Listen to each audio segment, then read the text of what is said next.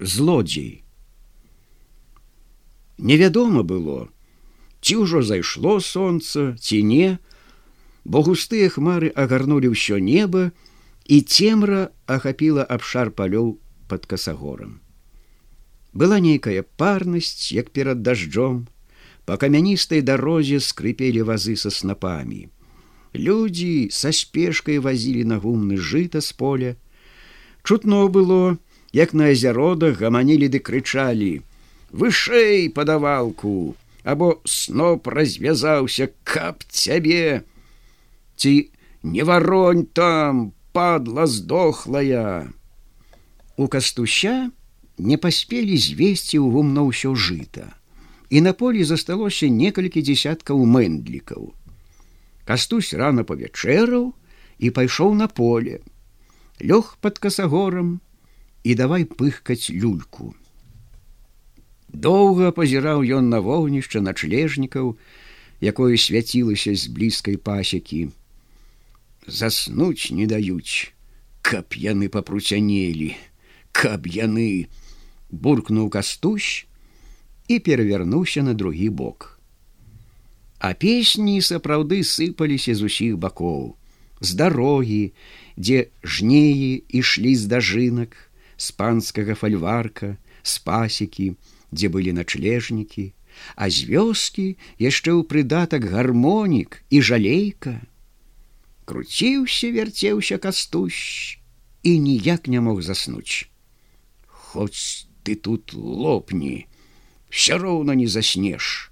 Зазлаваўся ён і плюнуў, абціраючы цыбук палой кажуха і тым самым часам раздумаў: Што ж, няхай пяюць, яшчэ нават лепей, А можа, якраз на безгалоўе накруціцца хто снапы красці. Так, а я буду спаць. Мала іх ёсць у нашай вёсцы гэтых лайдакоў, абарванцаў, як напрыклад, ліканор, каб яго зямля не насіла, каб яго. Кастусь прысел, апіраючыся аб вялікую крушню каменняў, што была каля мяжы. Хоць цёпла было, але дзеля таго ж раса прабрала яго. Ён шчырэй абкруціў грудзі залапленым кажухом. Яшчэ больш пацямнела, але затое ясней малявалася далёкае вогнішча.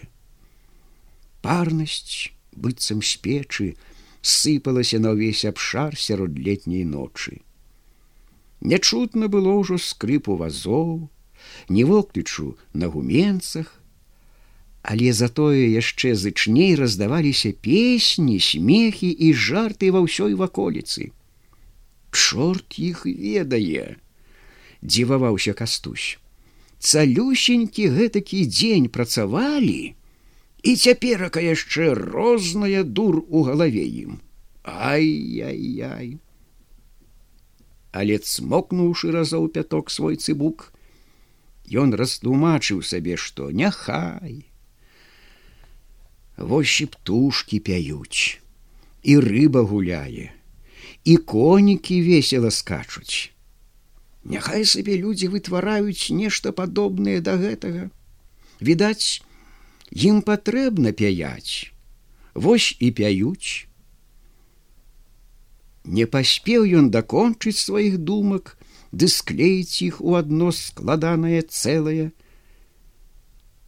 Як нехта ў блізкім высокім бульбоўніку шаснуў, крадучыся да мэндлікаў, бачыць касту здалёку маўчыць чакае той накінуўся на снапы. І давай сярпом спрытна абразаць каласы ды сыпаць у мяшок. Насыпаў поўны мех. І давай памалу спакойна быццам у сваім свірне закідаць за плечы.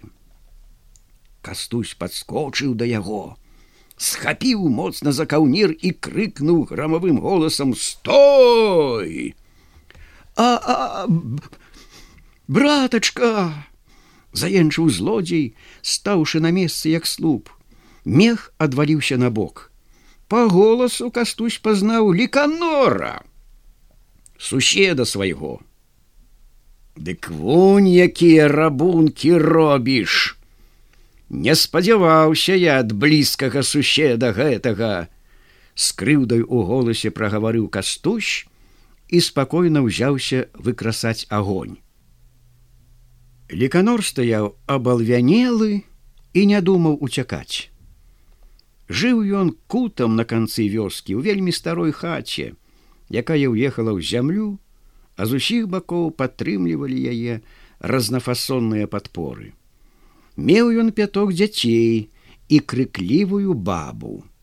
Яна заўсёды крычала на яго, што ён гультай, набіты дурань, здароўе мае за пяцёх быкоў, а не можа ні капейкі зарабіць. Вот вычысціць калі комін у мэндаля, звяжа яму некалькі венікаў і той з ласкі сваёй дасць фунт хлеба. Кастусь выкрасаў агонь, затуманіў люльку і з цікавасцю спакойна пазіраў на ліканора. Ліканор таксама быў спакоен, але не цікавіўся глядзець на кастуся, толькі чухаў кудлатую патыліцу ад турботы гэткая няўдача выпала на яго долю. Ліканор, казаў кастусь. Ліканор відаць нешта глыбокае і цікавае раздумваў, бо не чуў, што да яго кажуць. Ліканор! Крапчэй крыкнуў кастусь. Э! адазваўся ліканор. Эх, эх! Як табе не сорамна! Гэткі здаравенны мужчына, і не хочаш справядліва хлеб сабе зарабляць. Эх, ліканор, дзіва мне. Чаму твоя баба табе дагэтуль рэбры не пераламала? Гэткі здаравяка, якое сумленне ў цябе. Ліканор нічога не адказаў. Давай азірацца асалавелымі вачыма на свае велізарныя лапы, на ўсю дубовую сваю фігуру, і здаецца сам дзівіўся чаму не зарабляе справядліва на хлеб кастусь пачаў з яшчэ большай ахвотай сыпаць словы любаваўся ўласным голасам а ты пайшоў на падзённую у двор да купцоў у лес або так на заробкі якія і сям'я твоя б не галадала і сам быў бы сыты Нябось красці, то трапляеш. На гэта табе даў Бог розум. Дык каб жа ж мармытнуў пад нос ліканор і зноў замоўк, павесіў руки і стаяў нязграбна, як страшыдла, што курэй пужае за ўса. Што, каб жа ж ухапіўся кастусь за гэтыя словы, як за нешта цікавае. Что каб жа ж а? Во загаварыў ткі загаварыў дундыль маляваны! Ліканор усміхаўся ды так расчыніў тоўстыя губы. Нібы хацеў праглынуць усю ваколіцу ну, дык гавары гавары что каб жа ж зноў пытаўся горача кастусь. Каб жа ж я меў розум як красці дык ты б не ўлавіў мяне казаў той. Ліканор ажывіўшыся на момант змоўкі зноў дубовым зрабіўся ж ты! Каб цябе трасца! Загрымеў ва ўсё горло кастусь. Красці то ты ахвотнік на гэта не ляніща ды вось я тебе навучу як трэба быць злодзеем. Ён плюнуў тры разы ў свой касцісты кулак, у прыдатак дзеля ёмкасці крыкнуў э і замахнуўся над тварам ліканора. Деканор выкруціўся з-пад яго кулака, і як малое дзіця праенчыў: А братачка! Голас быў такі жаласны, што кастусь стрымаўся. Ну дык не будзеш болей красці. Леканор маўчаў. выглядаў велізарнай гнілой бручкай. Леканор, э, не будзеш красці, абяцаеш мне. Не, ціха адказаў леканор і пачаў зяваць. Надаела прыкрая гутарка. Што не? Зноў падхапіў кастусь. Не, не абяцаю, казаў той. Буркнуў пад нос леканор. ой-ой-ой-ой-ой-ой. Кастусь не вытрымаў, зарагатаў ад гэткай леканоравай шчырасці. Хо-хо-хо-хо-хо!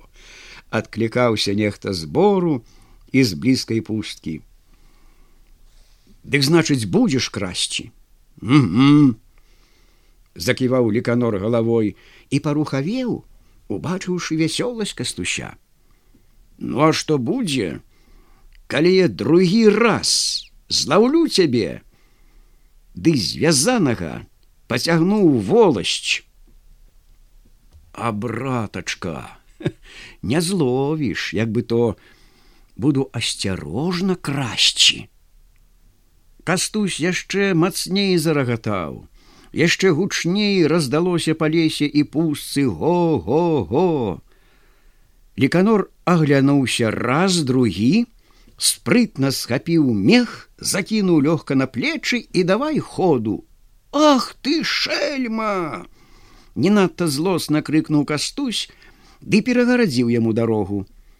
А братачка!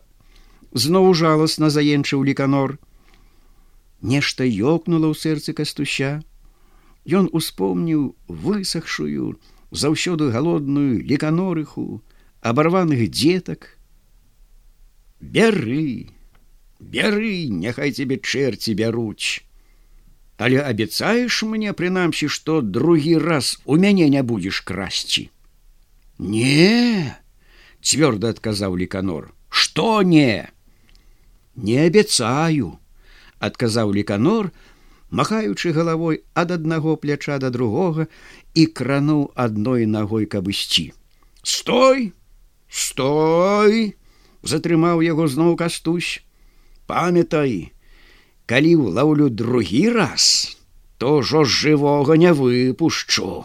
Эт, адказаў коротко ліканор з нейкай пэўнасцю і лёгка перакінуўшы мех з правага пляча на левае пайшоў Кастусь выняў капшук і давай напіхаць люльку. Тым часам неба выяснілася. Месяц быў такі ясны, што нават здалёку можна было ўгледзець, як па дарозе шпарка ішоў ліканор з вялікім мехам на плячах. На мяжы кратаўся побач яго доўгі цень. Ды няхай яго трасца гэтакага, які ён акуратны, не фальшывы чалавек, сказаў кастусь, шчыра плюнуўшы пасля таго, як зноў затуманіў сваю люльку. Ён лёг пад крушняй з нейкай лёгкасцю на душы.